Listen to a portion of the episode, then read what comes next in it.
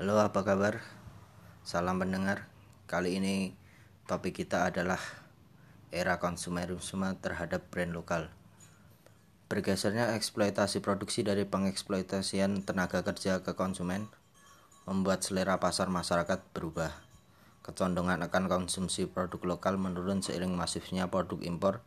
Hal ini disebabkan karena kurangnya bersaingnya produk lokal dengan produk impor. Banyak realita yang terjadi sehari-hari akan lebih merasakan sensasi yang berbeda ketika memakai tas brand asing seperti Hermes, Gucci, dan sebagainya. Begitu pula kita ketika kita memilih ngopi di Starbucks daripada ngopi di warung kopi atau kafe lokal kopi yang sekarang sedang trending khususnya di kalangan kaula muda. Padahal esensinya tetap sama yaitu minum kopi. Tapi mengapa selera pasar masyarakat tidak condong ke produk lokal atau makin ke sini makin menjiplak budaya barat dari segi barang yang dikonsumsi di pasar? Padahal bila kita renungkan, membantu membeli produk lokal sama dengan meningkatkan ekonomi masyarakat setempat. Bukan hanya di sektor industri lifestyle, kebutuhan akan industri pangan pun bercerita sama. Eksplorasi pasar impor ke tanah air ramai merambah sektor pertanian dari beras yang secara nalar kita memiliki sumber daya melimpah ruah melalui produksi dari petani. Ya, begitulah sedikit narasi dari saya. Awalnya fenomena ekonomi kali ini memang cukup uh, sempat menjadi berita di menjadi uh, sempat juga trending mungkin di berita-berita harian. Mulai dari impor beras, impor garam yang terjadi saat ini.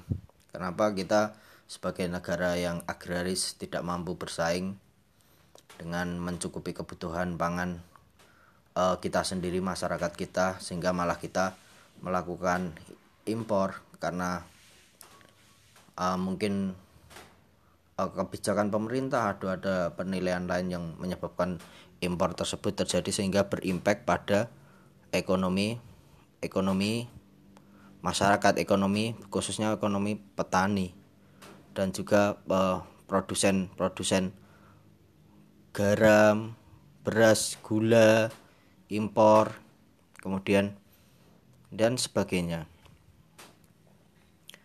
Dan kemudian masifnya masifnya uh, impor barang yang branding branded seperti apa itu? Gucci tas Gucci Hermes gitu kan. Udah itu mahal. Habis itu nggak sesuai dengan kebutuhan kita tapi tetap membeli. Mungkin karena ada nilai gengsi atau status sosial kita yang meningkat. Sehingga e, barang seperti itu e, laku merajai pasaran karena dari sektor industri lokal otomatis akan berkurang, pendapatannya berkurang. Dan kemudian e, menjadi kalah saing. Seperti itu. Itu lah fenomena yang terjadi akhir-akhir ini. Fenomena tentang bagaimana ekonomi berbicara di uh, lingkungan kita. Kemudian topik kita kali ini kan era konsumerisme terhadap brand lokal. Konsumerisme adalah perilaku konsumtif masyarakat yang ditandai sebagai apa itu istilahnya yang mudah dipahami itu uh, ya bergesernya eksploitasi produksi dari intinya bergesernya eksploitasi produksi ke pengeksploitasian uh, konsumen. Nah, itu apa itu? Tapi terhadap brand lokal. Kita itu enggak konsumtif terhadap brand lokal tapi kita lebih konsumtif terhadap brand impor. Sehingga ya itu lah yang menyebabkan ketimpangan. Ketimpangan sehingga ekonomi tidak dengan cepat terbaiki karena ya apa itu? Semua impor semua sektoral industri industri impor impor mendominasi pasar di wilayah kita. Seperti itu. Ya mungkin kali ini cukup sekian untuk segmen kali ini. Terima kasih untuk para pendengar. Nantikan uh, apa itu uh, ulasan-ulasan selanjutnya. Assalamualaikum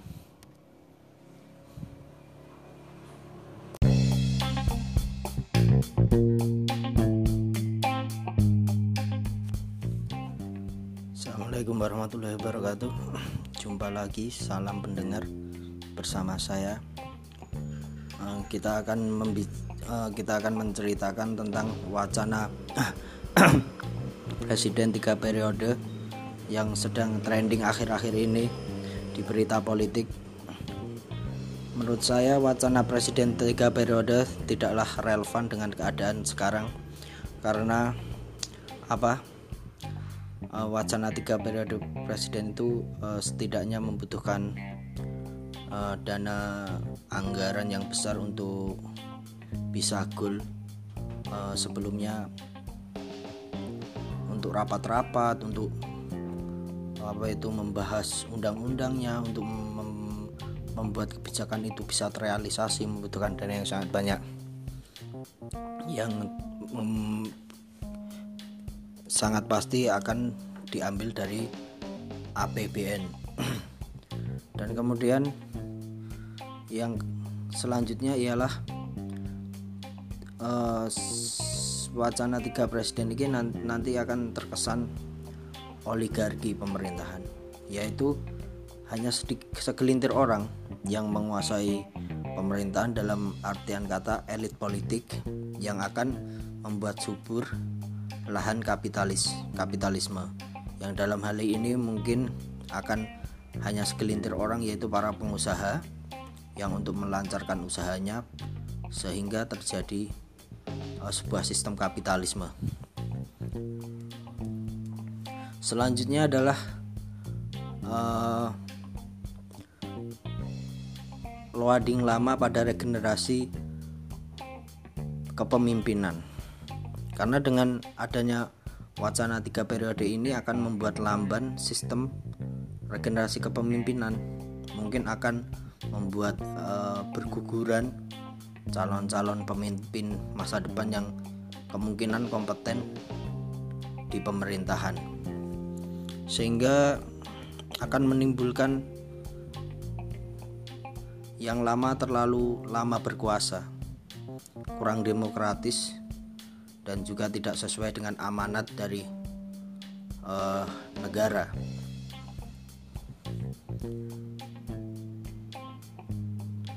Apabila ingin wacana tiga presiden itu kali ini ya lebih baik langsung diadakan aja referendum untuk segera dieksekusi tidak perlu menunggu pemilu 2024 kalau ingin segera uh, wacana tiga periode presiden ya sekarang aja seperti yang uh, didukung oleh mantan politisi PAN Pak Amin Rais yang termasuk pro terhadap kebijakan ini.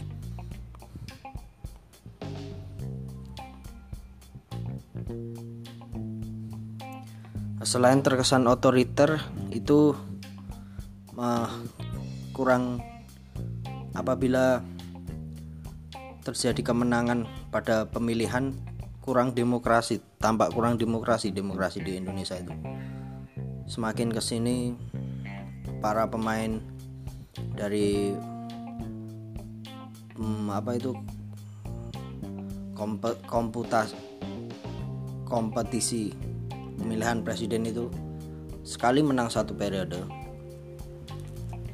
biasanya dia akan menang di pemilu periode selanjutnya. Menuai pro dan kontra di kalangan masyarakat dan tokoh-tokoh di Indonesia wacana tiga periode presiden ini sebaiknya tidak dilakukan menurut saya karena menurut saya pribadi tidak baik untuk iklim politik di Indonesia. Banyak problematika yang akan terjadi. Sebelum terjadi goal untuk e, wacana ini pun pasti akan menelan begitu banyak anggaran dari APBN yang sudah bukan rahasia umum apabila Indonesia mempunyai utang luar negeri yang sangat banyak. Dan lebih baik kita tidak menambah hutang karena akan menambah apa itu menambah beban bagi rakyat ke depannya.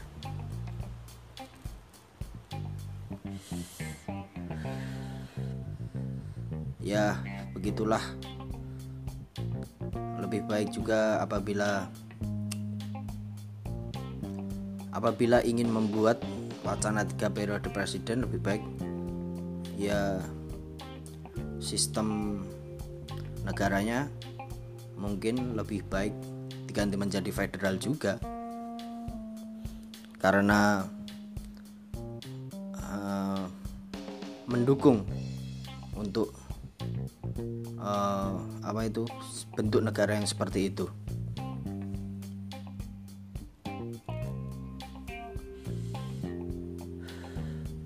Kita belum juga tahu kapan covid ini akan selesai kan. Pasti akan sangat ribet bila itu dicanangkan sekarang dan lebih baik memang seperti ini seperti mandat dari negara. Dan juga Pak Presiden uh, yang sekarang pun tidak setuju dengan wacana pencanangan tiga periode presiden. Ya begitulah cerita kita kali ini. Terima kasih. Assalamualaikum warahmatullahi wabarakatuh.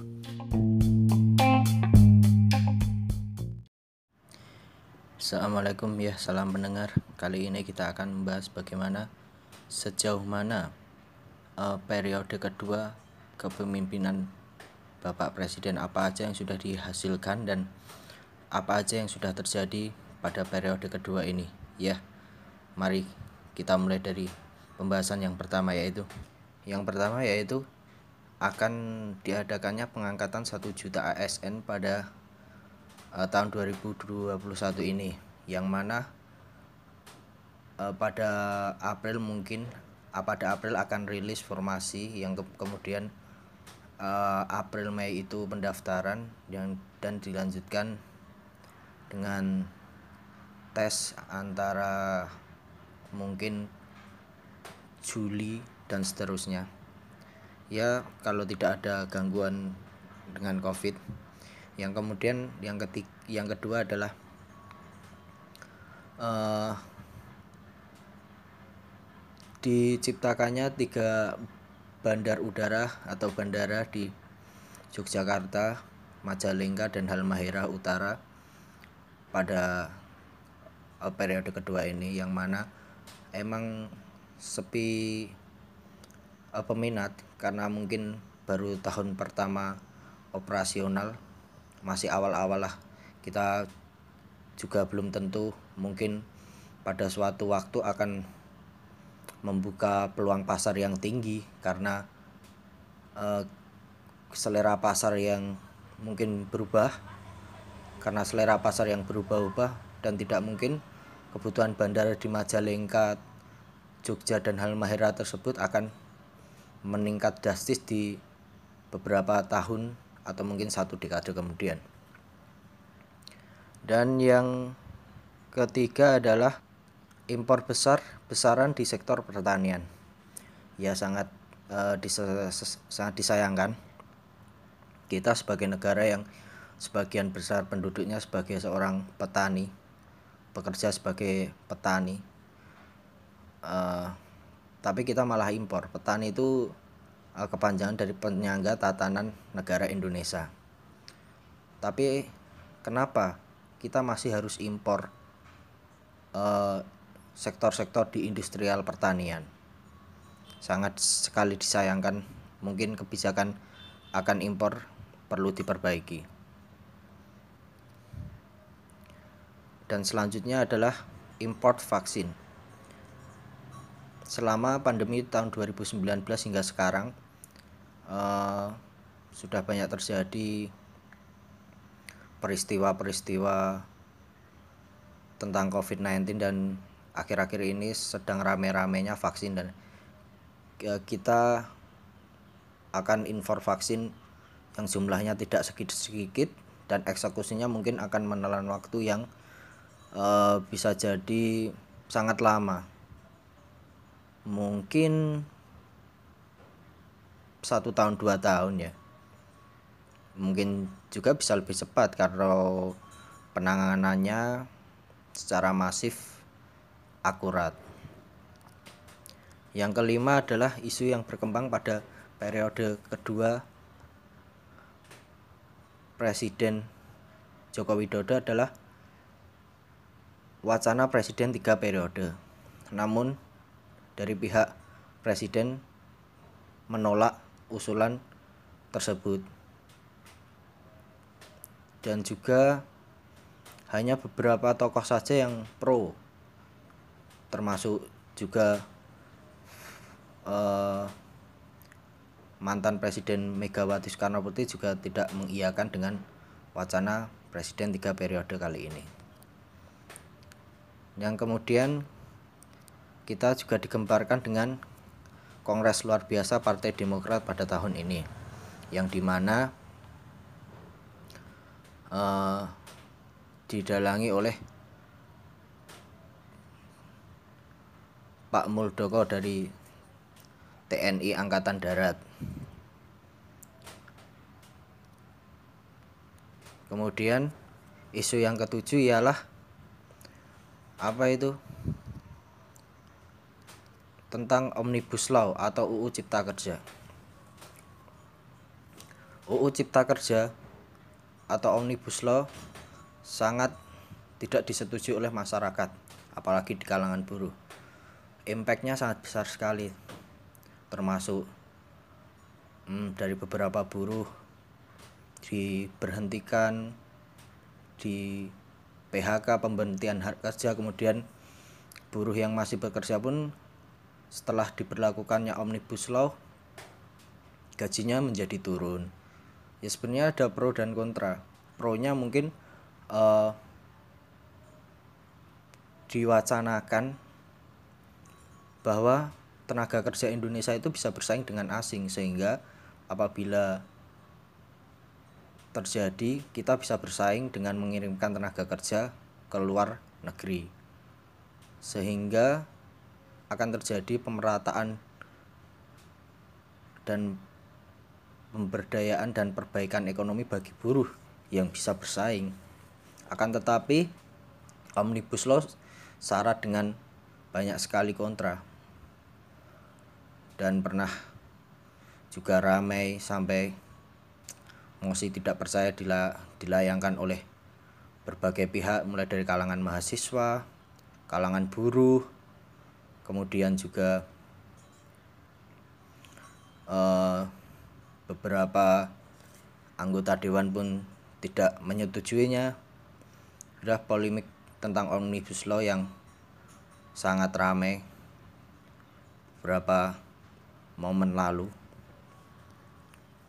Dan kemudian adalah tidak pernah tidak ada di setiap periode presiden yaitu isu tentang hak asasi manusia. Isu tentang hak asasi manusia berkembang secara berkembang secara uh, uh, lebih baik isu tentang hak asasi manusia atau uh, tentang kemanusiaan ini bisa ditangani dengan baik dan benar. Akhir-akhir ini banyak terjadi uh, kekerasan terhadap, terhadap wartawan, reporter di saat meliput omnibus law, kemudian saat e, melakukan tugasnya atau kerjanya terjadi kekerasan yang mereka dapatkan dari apa itu orang-orang yang kurang bertanggung jawab. Isu tentang hak asasi manusia memang tidak pernah lekang oleh zaman, mulai zaman Orde Lama, Orde Baru, sampai era reformasi dan sekarang. Isu tentang Marsinah dan Munir yang sampai saat ini belum ditemukan siapakah dalam dibalik pembunuh dibalik penghilangan mereka. Isu tentang hak asasi manusia lain juga banyak. Namun kurangnya keadilan yang mereka dapatkan sering kali membuat kita hanya bisa bersedih dengan keadaan yang terjadi di Indonesia.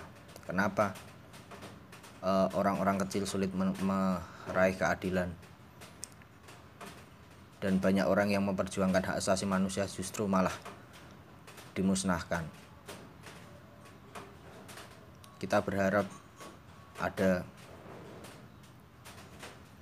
perbaikan di sisi uh, di sisi kemanusiaan di negara kita ini.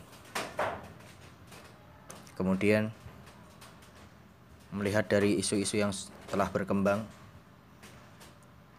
pada 2021 ini kita akan diramaikan oleh uh, rekrutmen CPNS, EC, rekrutmen ASN maksudnya, aparatur sipil negara yang uh, sebelum COVID sudah dua tahun berturut-turut tahun 2007 2000 tiga tahun berturut-turut 2017 2018 dan 2019 namun saat 2020 tidak ada karena karena covid. Ya satu juta ASN kemungkinan besar akan dikerahkan untuk sektor pendidikan e, di sisi lain hmm, pendidikan merupakan sektor yang penting di mana sumber daya manusia sebuah negara di mana sumber daya manusia sangatlah berpengaruh terhadap perkembangan tempat tinggal yang mereka naungi, mereka tempati. Dan kemudian adalah berita tentang mangkraknya bandara eh, baru yang menebus dana anggaran hingga sekitar 2 sampai 3 triliun. 2 sampai 3 triliun. Bukan angka yang sedikit, tapi kita berharap suatu saat bandara akan ramai dan menghasilkan banyak pendapatan baik di sektor pariwisata dan lain-lain. Dan semoga aja jika tahun ke depan berikutnya tidak terwujud. Minimal semoga satu dekade ke depan bisa terwujud.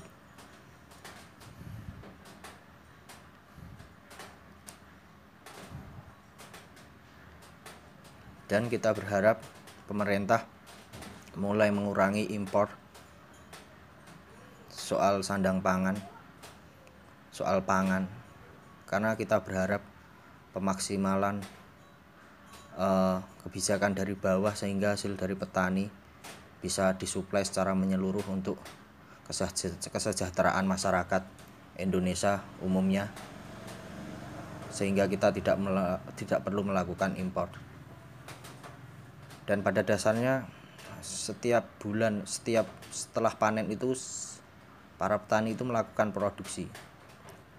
Tapi kenapa kita harus melakukan impor kalau menurut saya ya tinggal dari pemerintahan paling bawah untuk melakukan aksi agar uh, hasil produksi petani ini bisa disalurkan tepat sasaran tanpa perlu melakukan impor. Seperti contoh banyak petani garam yang merugi karena garamnya tidak bisa dieksplorasikan, tidak bisa disuplaikan kepada masyarakat luas. Ini terjadi karena kebijakan dari bawah tidak menguntungkan rakyat kecil, para petani, sehingga mereka hanya menganggurkan bertonton hasil garam, tapi pemerintah malah melakukan impor. Ini sungguh sangat disayangkan, sebuah ironi. Kenapa keadilan tidak pernah menguntungkan rakyat kecil? dan kemudian cukup dari saya semoga bermanfaat bagi para pendengar Assalamualaikum warahmatullahi wabarakatuh. Assalamualaikum, salam pendengar. Ya, pada segmen selanjutnya kita akan membahas tentang uh, demokrasi atau otoriter, oligarki atau kedaulatan rakyat. Ya, di segmen itu kita akan membahas panjang lebar dan mengkritisi apakah pada masa jabatan periode kedua presiden kali ini sudah memberikan impact yang positif terhadap kondisi lingkungan masyarakat. Sehingga dengan begitu apakah kebijakan-kebijakannya uh, cenderung impact dan positif terhadap entah ekonomi, entah sosial, entah politik, semuanya. Kita akan uh, ulas satu persatu pada segmen uh, selanjutnya ya untuk para pendengar, selamat mendengarkan. Ya, salam pendengar. Yang pembahasan sebelumnya yaitu demokrasi atau otoriter, oligarki atau kedaulatan rakyat. Demokrasi atau otoriter, demokrasi, kedaulatan rakyat atau oligarki, kedaulatan rakyat. Demokrasi. Saya memilih demokrasi karena Demokrasi berarti rakyat berpartisipasi dalam demokrasi tersebut melalui pemilihan umum dan setelah terjadi pemilihan presiden dan wakil presiden terpilih sebenarnya rakyat bisa menjadi oposisi dari pemerintahan melalui kritik-kritik kepada pemerintahan kemudian ikut mengawal pemerintahan, memberi masukan pada pemerintah sebagai fungsi mengontrol pemerintahan. Demokrasi lebih relevan apalagi presiden yang terpilih berturut-turut hanya dipilih dua periode karena menghindari menghindari terjadinya sebuah otorisasi otoriter pada pemerintahan. Sehingga akan terjadi persaingan pada pemilu yang sehat dan akan membuat regenerasi kepemimpinan berjalan dengan baik. Itu adalah efek dari demokrasi. Kemudian dengan uh, metode demokrasi ini uh, rakyat juga ber, ikut berpartisipasi dalam banyak elemen banyak elemen rakyat bisa berpartisipasi contohnya selain pemilu. Sehari-hariannya rakyat bebas mengutarakan argumen atau pendapat kepada pemerintah melalui situs-situs pemerintah yang menyediakan tempat pelaporan atau uh, ikut mengontrol apabila ada hal-hal yang mencurigakan dalam pemerintahan seperti ketidaknyamanan pelayanan publik, terus kemudian korupsi bisa dilaporkan melalui uh, yang saya ketahui melalui lapor.go.id atau bisa ke ombudsman. Itu adalah salah satu uh, nilai positif dari sebuah demokrasi. Yang kedua kedaulatan rakyat atau oligarki kedaulatan rakyat saya memilih karena dengan kedaulatan rakyat berarti rakyat berdaulat dalam pemerintahan. Rakyat adalah prioritas dari bernegara, rakyat adalah tujuan negara, dan tujuan negara adalah mensejahterakan rakyat secara keseluruhan. Sehingga konsep-konsep dari bernegara tersebut menjadi lebih baik, lebih adil, lebih bagus karena dengan menjunjung kedaulatan rakyat, yaitu rakyat sebagai tujuan akhir, maka pemerintah tidak akan bersifat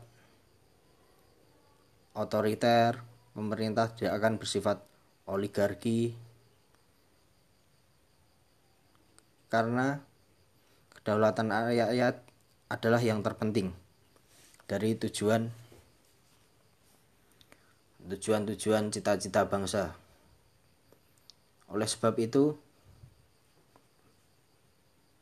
akhir-akhir ini negara terlihat seperti oligarki karena hanya beberapa elit politik yang berkuasa sehingga menyebabkan masyarakat pada umumnya merasa tidak mencapai apa yang dimandatkan negara melalui uh, wakil-wakil rakyat.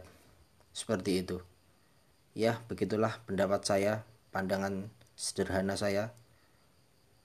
Uh, sampai jumpa di uh, pembahasan atau ulasan selanjutnya. Assalamualaikum.